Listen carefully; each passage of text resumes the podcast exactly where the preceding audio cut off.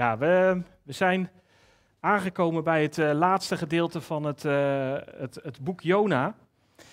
En ehm, ja, ik heb, ik heb er eh, boven gezet als, als thema God vergeeft. En ehm, ja, als we gekeken hebben naar wat we de afgelopen tijd ook gezien hebben in dit, dit boek, en we zijn er in het begin ook mee begonnen met deze tekst, um, uit Romeinen, want alles wat eertijds geschreven is, is tot, onder tot onze onderwijzing eerder geschreven, opdat wij in de weg van volharding en vertroosting door de schriften de hoop zouden behouden. Ik vind het zo mooi dat daar staat volharding en vertroosting door de schriften. We hebben het nodig om troost te ontvangen, we hebben het nodig om vol te blijven houden. Ehm, en een boek als Jona helpt daarbij. Waarom? We zien ehm, in de geschiedenis van Jona zien we dat God niet loslaat. We zien dat, dat, dat God heel veel geduld heeft. Met Jona, met Nineveh. Ehm, en we zien ook nu ook in het laatste hoofdstuk. Um, we eindigden daar vorige keer al mee met hoofdstuk 3, uh, dat God vergeeft. We hebben ook gezien dat God ons niet nodig heeft. God is soeverein. God doet wat hij wil. Um, en, en, en, en, dat is, dat is, ik, vind dat rust geven aan de ene kant. Aan de andere kant zien we dat God ons wel wil gebruiken. Hij heeft, uh, we hebben gezien dat, dat, dat wij een uitverkoren geslacht zijn, een koninklijk priesterschap, een heilig volk, een volk dat God zich tot, God zich tot zijn eigendom maakte, opdat u de deugden zou verkondigen van hem die u uit de duisternis geroepen heeft tot zijn wonderbaar licht. Net zoals Jona geroepen was om naar Nineveh te gaan, dus hebben wij gezien de afgelopen weken, wij zijn geroepen om naar de wereld te gaan met de boodschap van uh, redding, van het evangelie, van, de, van het goede nieuws dat, dat uh, uh, Jezus voor onze zonde aan het kruis is gestorven en dat we eeuwig leven mogen hebben als we in Hem geloven, dat we niet meer schuldig zijn. Maar Jona ging, hebben we gezien, maar niet vrijwillig. En, um, en de vraag is wel van ja, wat doe jij? We hebben gezien ook van Jezaja 6 vers 8 hebben we de, de, de roeping van, van Jezaja gezien. En uh, um, die is daar zo mooi, is dat de, dat de Heer God zegt, wie zal ik zenden? Wie zal er voor ons gaan? En dan uh, zegt Jezaja, zie, hier ben ik, zend mij. En um, ik bid dat we dat allemaal mogen zeggen. Dat, dat, dat wij uh, als God aan, uh, rondom zich heen kijkt en zegt van wie zal ik nou zenden? Wie zal ik nou gebruiken om naar die ene collega te gaan? Wie zou ik nou gebruiken om het evangelie aan de buren te vertellen? Wie, wie gebruik ik daarvoor? En dat wij dan zullen zeggen, hier ben ik, zend mij maar. En aan het einde van hoofdstuk 3 hebben we gezien dat, um, dat Jona naar Nineveh ging en dat um, Nineveh zich bekeert. En dan zagen we in vers 10 van hoofdstuk 3, toen zag God wat zij deden, dat zij zich bekeerden van hun slechte weg. En God kreeg berouw over het kwade dat hij gezegd had hun te zullen aandoen en hij deed het niet. We hebben vorige keer ook al stilgestaan bij het feit dat, dat God genadig is. God wil helemaal niet straffen. God wil dat alle mensen behouden worden. Maar hij heeft daar wel een oplossing voor aangewezen. Zijn zoon, Jezus Christus. En, en, en daar was op dat moment, omdat de Heer Jezus nog niet gekomen was, was daar het, uh, uh, de boodschap op dat moment van, van, uh, van, van Jona um, en het geloof in God wat, wat zij toen mochten hebben. En die mensen in Nineveh, die, die, die hadden dat geloof in, in God en die bekeerden zich en die stopten met de, de, de verkeerde dingen te doen. En um, zij gingen, en ze bekeerden zich. En God zag dat en hij deed het, um, ja, wat hij gezegd had dat hij zou gaan doen met Nineveh, uh, Nineveh ondersteboven keren, deed hij niet. En dan komen we in hoofdstuk 4 uh, uit. En dan zien we, uh, zien we dit staan. Dit was volstrekt kwalijk in de ogen van Jona en hij ontstak in woede. Hij bad tot de Heer en zei, O Heer, waren dit mijn woorden niet toen ik nog in mijn eigen land was? Daarom ben ik het voor geweest door naar Tarsus te vluchten. Want ik wist dat u een genadig en barmhartig God bent, geduldig en rijk aan goede tierenheid, die berouw heeft over het kwaad. Nu dan, heren, neem toch mijn leven van mij weg. Het is immers voor mij beter te sterven dan te leven. Maar de Heere zei, bent u terecht in woede ontstoken?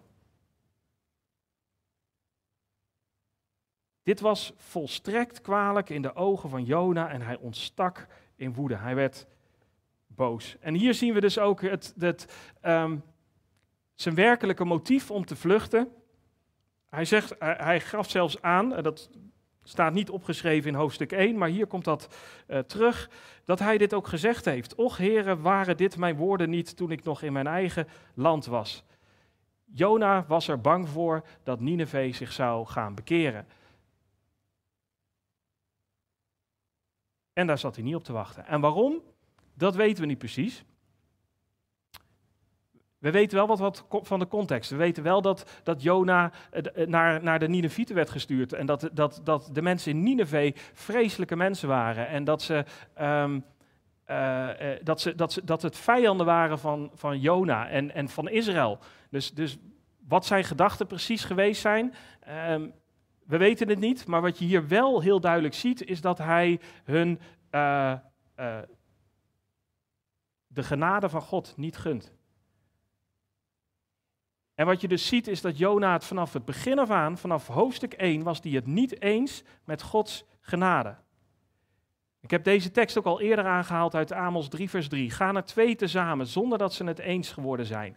Je zag het ook in, in, in, in Jona's leven. Hij, hij verwijderde zich van God. En uiteindelijk, um, toen God hem bij zijn kladden had gepakt en hem teruggetrokken had op het goede pad, toen ging hij wel naar Nineveh. Maar hij was zelfs het toch nog niet eens. Hij deed het wel. Hij was gehoorzaam, maar hij was het nog niet eens. En ik heb toen al eh, genoemd ook van, van Jona's bekering was gewoon nog niet klaar. Volgens mij is de eerste stap die Jona deed, is, is een hele goede stap. Gehoorzamen omdat, omdat je God gelooft. En dat je je onderwerpt aan hem en, en, en hij het je zegt. Dus, dus dat jij iets leest in de Bijbel en dat je zegt, ja, ik doe het, ook al voel ik iets totaal anders. Ja, ik geloof het, ook al voel ik het misschien totaal anders. Maar omdat God het zegt, omdat Jezus het heeft gezegd, daarom doe je het. Dat is de eerste stap in geloof. Je bekeren en gewoon doen wat God van je vraagt. Maar ik denk een tweede onderdeel van, van, van bekeren is, is ook dat je gaat zien waarom God het vraagt. En dat je het gaat eens worden met Hem. Dat je gaat zien van, van ja, wat Hij zegt, dat is goed. En dat je dus ook je gevoel gaat onderwerpen aan Hem. En Jona die was nu nog bij stap 1 gebleven. En hier in hoofdstuk 4 eh, zijn we eigenlijk aangekomen op dat God hem een les gaat geven over stap 2. Dat hij, hij, hij, hij, hij meegenomen wordt door God in hoe God naar de wereld kijkt. En deze tekst in Romeinen 12 hebben we vaker bij stilgestaan, maar die is zo belangrijk in ons leven. Daar roept de Bijbel ons op. Ik roep u dan toen op, broeders, door de ontfermingen van God, om uw lichamen aan God te wijden als een levend offer, heilig en voor God welbehagelijk. Dit is uw redelijke godsdienst. Dat is, wij moeten gewoon God gaan gehoorzamen, God gaan eren met ons hele leven. En wordt niet aan deze wereld gelijkvormig, maar wordt innerlijk veranderd door de vernieuwing van uw gezindheid om te kunnen onderscheiden wat de goede, welbehagelijke en volmaakte wil van God is. En, en, in dat proces zit Jona nu. Hij moet nu gaan begrijpen wat die welbehagelijke, volmaakte wil van God is. En hij zag het niet op dit moment. En bij ons, deze lijst heb ik eerder laten zien, is belangrijk om te beseffen, God zegt een heleboel dingen in de Bijbel. En, en, en hij, hij roept ons tot hele, heel veel zaken op. En als God iets zegt, moeten we gewoon gehoorzamen. Dat is een keuze, dat is geen gevoel. Dus als God zegt dat, dat, er, dat seks binnen het huwelijk hoort, dan moeten we dat gewoon accepteren. Als, als, als we geen ongelovige partner moeten hebben, dan, dan moeten we dat accepteren dat God dat zegt. Dat we moeten verlangen naar het woord als een pasgeboren baby dat naar melk verlangt. Dat moeten we gewoon doen. Dat is een opdracht. Dat we God moeten liefhebben met alles wat we zijn. Dat, dat, dat is een opdracht van God. Je ouders gehoorzamen en eren in de Heer, dat is gewoon een opdracht. De hele wapenrusting aandoen, elkaar aanvuren, de onderlinge bijeenkomst niet nalaten. Dat moeten we gewoon doen, omdat God het zegt. Dus gehoorzaam is een keuze van je wil, van onderwerping aan God. En we hebben eerder bij ook, ook genoemd van je gevoel die zal volgen. Hoe, hoe David ook, eh, of de psalmist in, in Psalm 119 ook schreef: Ik heb mijn hart geneigd om overeenkomstig uw verordeningen te handelen voor eeuwig tot het einde toe. Gewoon je hart trainen om te gehoorzamen naar wat God zegt, om te gaan zien: dit is goed. En de psalmist, de zegt in, dat, in Psalm 119 nog meer. Hij zegt op een gegeven moment in, 104, in vers 164, ik loof u zevenmaal op een dag om uw rechtvaardige bepalingen. Die psalmist die had, het die had het begrepen, die had gezegd, wat God heeft gezegd is goed, is rechtvaardig. En dan komt het, wie uw wet liefhebben, hebben diepe vrede. Voor hen ligt er geen struikelblok.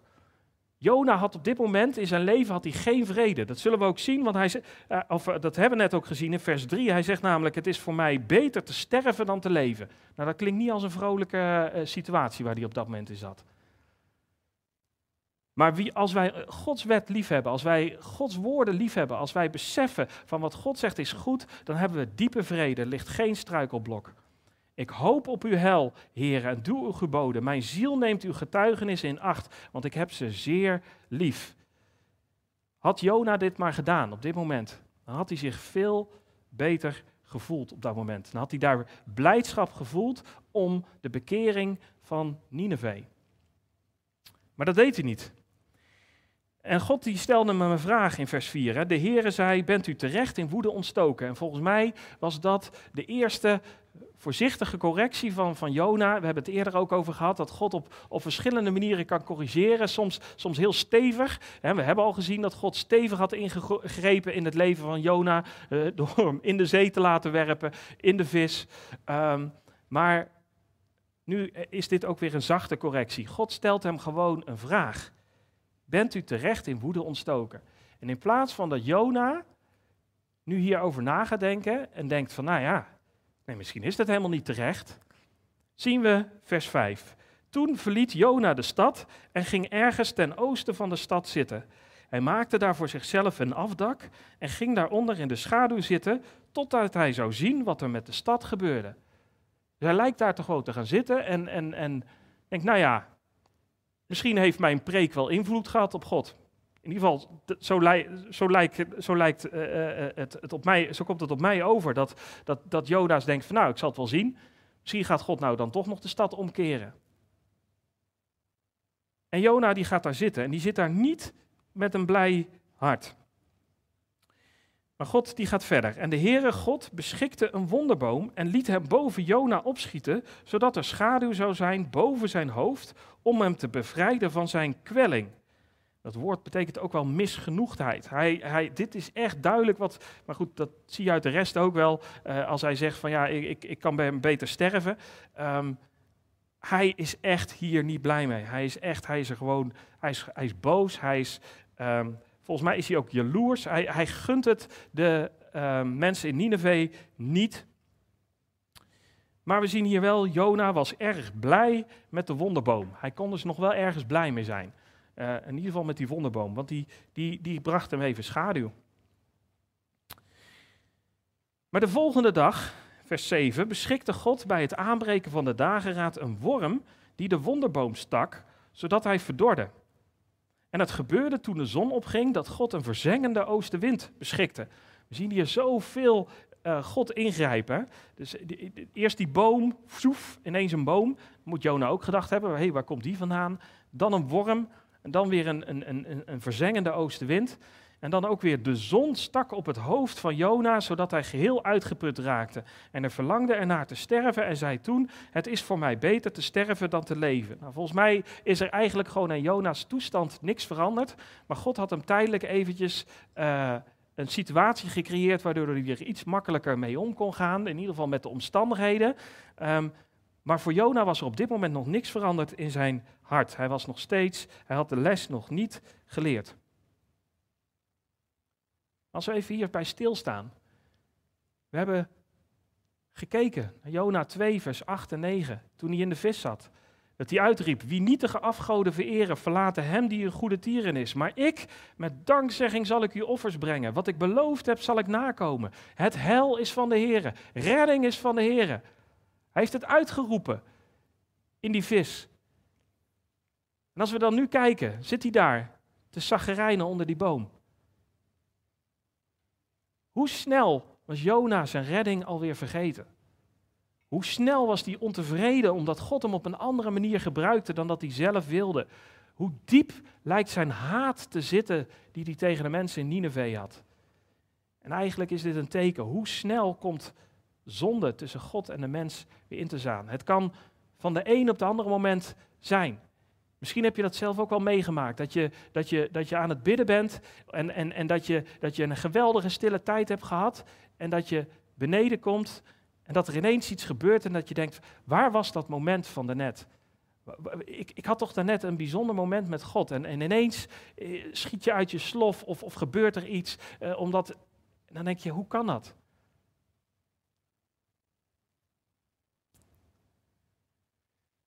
Maar God gaat verder in vers 9. Maar God zei tegen Jona: Bent u terecht in woede ontstoken over die wonderboom? God is nog niet klaar met de les. En hij zei: Terecht ben ik in woede ontstoken tot de dood toe. Hij was boos op die boom dat hij dood was. En hij zegt, ja, daar ben ik terecht boos om. Kom op, zeg, die, die, die boom die was lekker, die was fijn en, en, en, en nu is die weg. Dat kan toch niet? Daarop zei de Heer, u ontziet die wonderboom.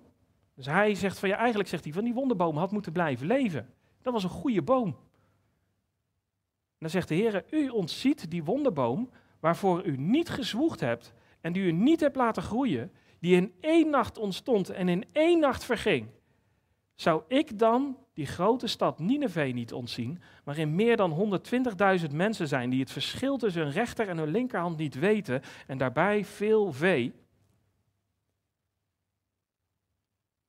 Ik, ik, ik heb hier een paar woordjes ook, ook een ander kleurtje gegeven. Waarvoor u niet gezwoegd hebt en die u niet hebt laten groeien. Jona had niks gedaan voor die boom. Maar het bijzondere wat ik hier uithaal, is dat God probeert zijn perspectief te laten zien aan Jona. En wat we dus zien is dat God wel gezwoegd heeft voor de mensen in Nineveh. En dat God wel ze geschapen had en dat hij eh, zijn best had gedaan voor deze wereld. En dan zegt de, de, God zegt dan ook, zou ik dan die grote stad Nineveh niet ontzien, waarin meer dan 120.000 mensen zijn die het verschil tussen hun rechter en hun linkerhand niet weten? Dan kun je dat op twee manieren uitleggen. Sommige mensen denken dat het dan over kinderen gaat, want ja, die kennen eigenlijk nog niet zo het verschil tussen rechter en, en, en, en linker, uh, uh, rechts en links, hoewel sommige volwassenen het ook nog niet uh, weten. Um, is erg lastig in verkeer. Maar... Um, ik, ik denk zelf dat, het, dat, dat God het hier heeft over het perspectief in ieder geval waar hij het over heeft. Is dat die mensen eigenlijk gewoon nauwelijks een benul hebben van wat er speelt in hun leven. Als ik kijk naar de mensen op, op, op, op mijn werk, Iedereen doet gewoon zijn werk. Iedereen is trouw, uh, uh, uh, zit hij te programmeren en zit hij zijn taken te doen. Maar ze beseffen eigenlijk helemaal niet wat er allemaal gebeurt in hun leven. Ze beseffen eigenlijk helemaal nauwelijks wat er om hun heen gebeurt. Ze beseffen nauwelijks dat ze in een schepping staan. En dat ze verantwoording hebben af te leggen aan een God. Dat beseffen ze niet. En wat ook bijzonder is, is dat God ook nog eens kijkt naar het vee. Voor de, voor de dierenliefhebbers, uh, God die zegt, ja maar dat vee is ook belangrijk voor mij. En wat, wat volgens mij dus de, de Heere God hier probeert te doen, is, is Jona meenemen vanuit zijn perspectief. Hij zat daar lekker onder een wonderboompje en die wonderboom die was weg en toen was hij ineens boos. En, en, en God kijkt naar de wereld die hij in zijn hand heeft. En hij zegt, ik heb, ik heb ze lief. Ik heb die wereld lief. Snap dat nou eens, Jona. En als je daarnaar kijkt, dan besef je dat Jona's houding gewoon niet goed was. Jona wilde oordeel, terwijl God vergaf en lief had. En dat probeert God in, eh, aan Jona duidelijk te maken in dit hoofdstuk. En dat, probeert hij, dat maakt hij ook duidelijk aan ons, doordat hij dit zo heeft laten opschrijven. En ik heb hier een, een, een filmpje over een, ehm, seriemoordenaar, over een rechtszaak over een seriemoordenaar die 48 vrouwen vermoord had en uiteindelijk opgepakt werd naar, nou ja, nu er nieuwe technieken zijn om mensen op te sporen met DNA. En daar is een rechtszaak over. En in die rechtszaak mogen nabestaanden van slachtoffers mogen wat zeggen. En dit filmpje wil ik laten zien om, ehm, om te laten zien eigenlijk wat, wat Jona's houding was tegenover, van, de mens, van hem tegenover de mensen in uh, Nineveh. En dan zometeen komt er nog een, een, een, een stukje verder uh, in, de, in de video. Staat geluid aan, uh, Brian? Gary Ridgway sat there stone faced as victims' relatives damned him and mocked him. He's an animal. I wish for him to have a long, suffering, cruel death. He's gonna go to hell, and that's where he belongs.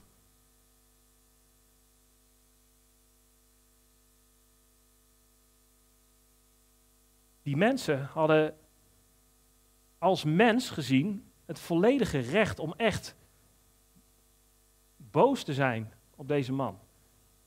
Wat hij hun, hun had aangedaan, wat hij had, hun had aangedaan door hun, hun, dochters te ont, ontnemen. Dat was vreselijk wat hij gedaan had. Maar, zag je hun gezichten, zag je hun haat, zag je hun, hun, hun afkeer? Zag je hoe zij een oordeel wilden over deze man? En volgens mij zat Jona zo onder zijn afdakje. Volgens mij zat Jona zo te kijken naar Nineveh. Laat ze maar branden in de hel. Laat ze maar gaan. Wat ze hebben ze mij niet allemaal aangedaan? Wat hebben ze mijn volk allemaal niet aangedaan? Wat een slechte mensen zijn dat. Dat was Jona's houding. En dat is niet goed. En God maakt dat duidelijk aan Jona, dat dat niet goed is. Jona wilde oordeel, terwijl God ervoor koos om te vergeven en lief te hebben. En wij hebben die opdracht ook meegekregen in, in, in de Bijbel. Zegt de Heer Jezus, wanneer u staat te bidden, vergeef als u tegen iemand iets hebt, opdat ook de Vader die in de hemel is, u uw overtredingen vergeeft. Maar als u niet vergeeft, en op een andere plek heeft de Heer Jezus ook gezegd, als u niet van harte vergeeft, zal uw Vader die in de hemel is ook uw misdaden niet vergeven. We hebben de opdracht gekregen om de mensen te vergeven. De Heer Jezus bad zelfs voor de mensen uh, uh, aan aan, die hem aan het kruis nagelden. Vergeef het hun, want ze weten niet wat ze doen.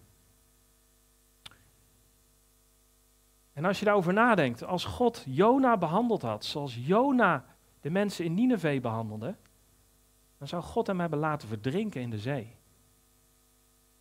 Had God gezegd, ik, weer zo'n gast, die niet naar me luistert. Hoppakee, weg ermee. Want dat was de houding van Jona. Dat was die, die onvergevende houding. Maar God liet zien, ja maar Jona, besef je nou wat er bij jou gebeurd is? Maar Jona was het eigenlijk alweer vergeten.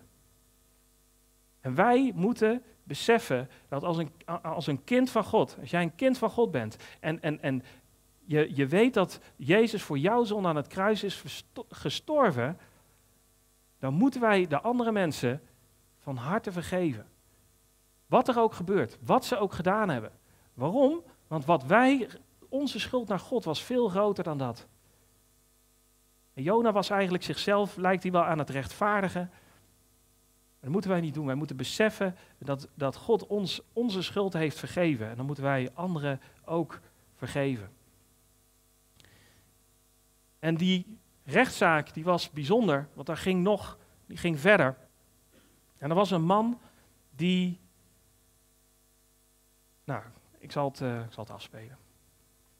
But then the emotionless facade finally cracked when the father of one of his victims appeared to surprise him with a dose of human kindness. Mr. Ridgway, um, there are people here that hate you. I'm not one of them. You've, you've made it difficult to live up to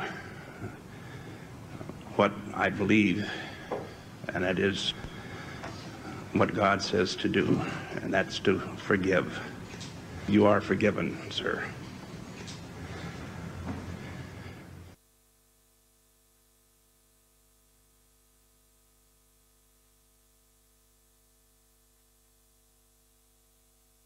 Als je ziet wat de impact daarvan is.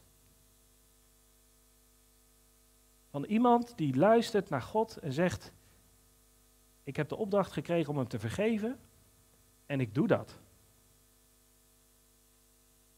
Zoals God mij vergeven heeft. En je ziet dat dat zelfs zo'n moordenaar van 48 mensen niet onberoerd laat. En al die andere dingen, die, hem, die mensen die hem naar de hel wensten. Dat deed hem niks. Totdat iemand hem vergaf. En dat doet mij stilstaan bij deze tekst.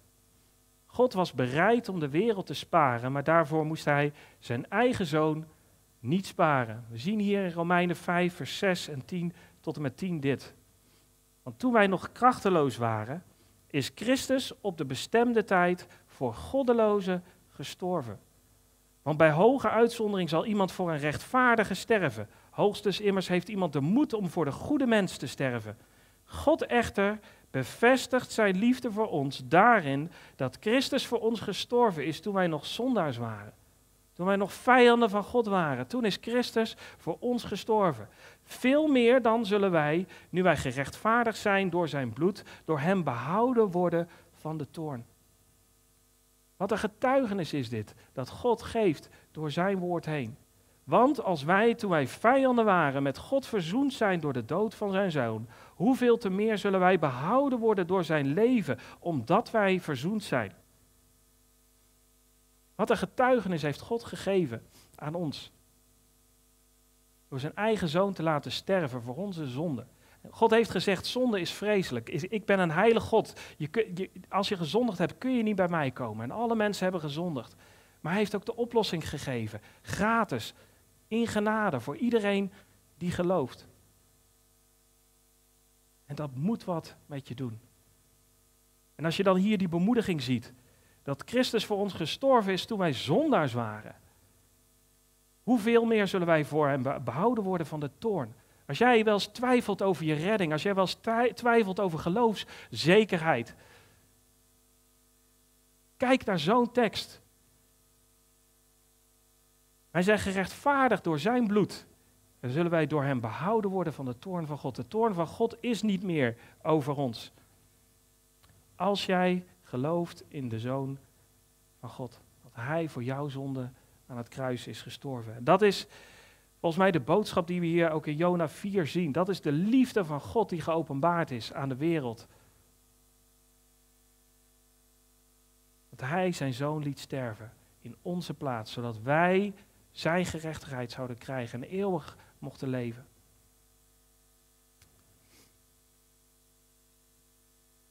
Ik had uh, eerder ook al gezegd dat het boek Jona echt een, een prachtig boek is. Dat er ook ja, heel veel dingen naar voren komen waar, nou, waar we nog niet eens bij stil hebben gestaan. En er is één ding wat, uh, wat heel erg opvalt in dit boek. En dat is de weg die God ging met Jona. En wat Jona deed. En um, daar zit volgens mij een parallel eh, volgens velen hoor, dat is, ik ben niet de eerste die dit, die dit, uh, die dit zegt en ziet, is een parallel tussen Jona en Israël. Tussen het gedrag van Jona en de Joden. Wat zagen we? We hadden gezien dat Jona in ongehoorzaamheid bij God wegging. We zagen dat hij in een diepe slaap in het schip lag. We zagen dat zijn ongehoorzaamheid de redding van de heidenen was geworden. Hij werd in de zee geworpen en de heidenen kwamen vervolgens, uh, zagen we, tot, tot geloof komen. In ieder geval, zij legde gelofte af naar, naar God. Jona, die werd naar de heidenen gestuurd in plaats van naar Israël. Dat was de enige profeet die we in de Bijbel zien die naar de heidenen is gestuurd. In plaats van naar Israël. Zij verdwijnen en opnieuw verschijnen was een teken van voor Nineveh. Dat, het teken van Jona hebben we bij stilgestaan. Maar we zagen hier ook dat hij God tegensprak en jaloers lijkt te zijn op de redding van Nineveh. Dat hij het niet eens was met de redding van Nineveh. En zijn teken, die werd door geloof, werd die redding voor een hele stad. Nou, als we nu kijken naar wat is er gebeurd met Israël. Op het moment toen Jezus naar de aarde kwam, hij kwam als hun koning, maar ze hebben hem afgeworpen, afgewezen.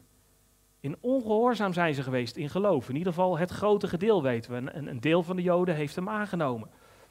Maar ze waren ongehoorzaam in geloof, in eigen gerechtigheid. Je ziet ook heel duidelijk het gedrag van Jona, eh, zie je ook terugkomen in, in het parabel van, van de, de verloren zoon. Waarin het gedrag van die oudste broer, die staat eigenlijk voor, voor de fariseërs daar en voor het, het ongeloof wat die fariseërs vertonen en het geloof in hun eigen gerechtigheid. Ehm, dat, dat gedrag van Jona lijkt daar heel erg op. Maar we vinden ook in Romeinen, Romeinen, ehm, Romeinen, 10 en vers, eh, eh, Romeinen 10 en 11, hier een aantal teksten terugkomen ehm, die bizar zijn. Die ehm, zeggen wat er gebeurd is met Israël. In eh, hoofdstuk 11, vers 8 staat: God heeft hun een geest van diepe slaap gegeven, ogen om niet te zien en oren om niet te horen, tot op de dag van heden. De Joden als, als volk zijn op dit moment in slaap. Hé, dat doet toch wel heel erg denken aan Jona. Maar we zien ook dat hun ongehoorzaamheid de redding van de heiden is geweest in hoofdstuk 11, vers 11. Ik zeg dan, zijn zij soms gestruikeld met de bedoeling dat ze vallen zouden? Nee, het was ook niet de bedoeling dat Jona zou vallen. Volstrekt niet. Door hun val echter is de zaligheid tot de heidenen gekomen om hen tot jaloersheid te verwekken. En vervolgens zien we ook dat God zich geopenbaard heeft aan hen die niet naar hem vroegen. In Romeinen 10, vers 20. Jezaja durfde te zeggen, ik ben gekomen, ik ben gevonden door hen die mij niet zochten. Ik heb mij geopenbaard aan hen die naar mij niet vroegen. Maar met het oog op Israël, zegt hij echter, heel de dag heb ik mijn handen uitgebreid naar een ongehoorzaam en tegensprekend volk. Hoe lijkt dat op Jona? Dat tegensprekende van Jona, dat ongehoorzame van Jona. En God die zich geopenbaard had aan hen die naar mij niet vroegen. Dat is ons, de heidenen. En dat was ook bij Nineveh. En het verdwijnen van Israël en het opnieuw verschijnen is ook een teken voor de wereld. De Heer Jezus in Matthäus 24 maakt duidelijk dat we moeten zoeken, dat we moeten kijken naar de vijgenboom. En als die weer begint uit te spruiten, dan weten we hè, dat de zomer daarbij is. Hebben we er ooit bij stilgestaan wat voor wonder het is dat Israël 2000 jaar lang als staat niet bestaan heeft? Dat Israël opgegaan is in, in de zee van volken. Dat die verdwenen is in de zee van volken. En dat God als een, met een wonder de Joden weer een plek heeft gegeven. Hun eigen plek weer, waar ze ooit waren. En hun eigen staat weer hebben, 2000 jaar later. Ineens uit die zee van volken komt daar Israël weer. Een teken voor de wereld. Ik denk dat we daar echt niet overheen moeten stappen. Als we het erover hebben van wat moet er allemaal nog gebeuren voordat de Heer Jezus terugkomt. Alles is er. De Heer Jezus kan elk moment terugkomen. Elk moment. En i- eigenlijk op het moment dat, dat, dat in, in, in, toen de staat Israël gesticht werd. En, en na, na een paar wondere momenten, hè, de Zesdaagse Oorlog en al, al die zaken, ook nog eens bewezen werd van nee, dat, dat, dit blijft. Dat is het moment dat eigenlijk de klok, dat we eigenlijk de klok op vijf voor twaalf konden zetten. Dat we wisten van nee, oké, dit is bijna het tijdstip dat Jezus terug gaat komen. Alles is er. God, gaat weer, eh, God staat weer klaar om weer verder te gaan met Israël als volk van God. En de redding van de heidenen is om jaloersheid te verwekken. Hebben we gezien in Romeinen 10, vers 21 en Romeinen 11, vers 11. En Israël gaat ook weer hersteld worden als zendingsvolk. Wat een, wat een bijzonder parallel vind je dan in zo'n boek Jona. Naast al die andere bijzondere bemoedigingen die we erin vinden, die aansporingen om door te gaan ehm, en, en God te blijven volgen. Er is ook nog één dingetje wat ik nog niet besproken heb, is ehm, het volgende. Jona, het boek Jona is een open begin en een open einde. Het, het, in onze vertaling staat dat het niet, maar het, het, het woord begint in de grondtekst met het woord en. En het woord van de Heer kwam tot Jona, alsof we midden in een verhaal vallen. En hier het einde van het boek is een open einde. Er, er staat geen conclusie. We weten niet of Jona wel of niet. We, we weten verder niks wat Jona hiermee gedaan heeft. En het lijkt alsof dit boek zo geschreven is door God om te laten zien aan ons. Dit is onderdeel van mijn plan en, en, en wij moeten er nu mee verder. Het is nu aan ons om hier wat mee te doen. Het is nu aan ons om ons aan te sluiten bij de wil van God. Namelijk, God wil de wereld redden. God is geduldig. En wat Jona zegt is, hij, hij, hij, hij, zegt het terecht. Ik wist dat u een genadig en barmhartig God bent, geduldig en rijk goede tierenheid. Dat is God. God is liefdevol. God, God wacht nog. En God, God wil nog dat alle mensen tot bekering komen. Dat is zijn verlangen. Zou ik werkelijk behagen scheppen in de dood van de goddeloze? Spreekt de Heere, Heere. Is het niet wanneer hij zich bekeert van zijn wegen, dat hij, zou, dat hij zal leven? Dit is de boodschap waar wij de wereld in mee moeten gaan, waarin de wereld mee mogen gaan. Laten zien, mensen, God houdt van jou. Hij houdt zoveel van jou dat hij jouw zondeprobleem wil oplossen. Dat hij zijn eigen zoon heeft laten sterven voor jouw zonde, zodat je als je in hem gelooft niet verloren zal gaan, maar eeuwig leven zal hebben. Zullen we bidden?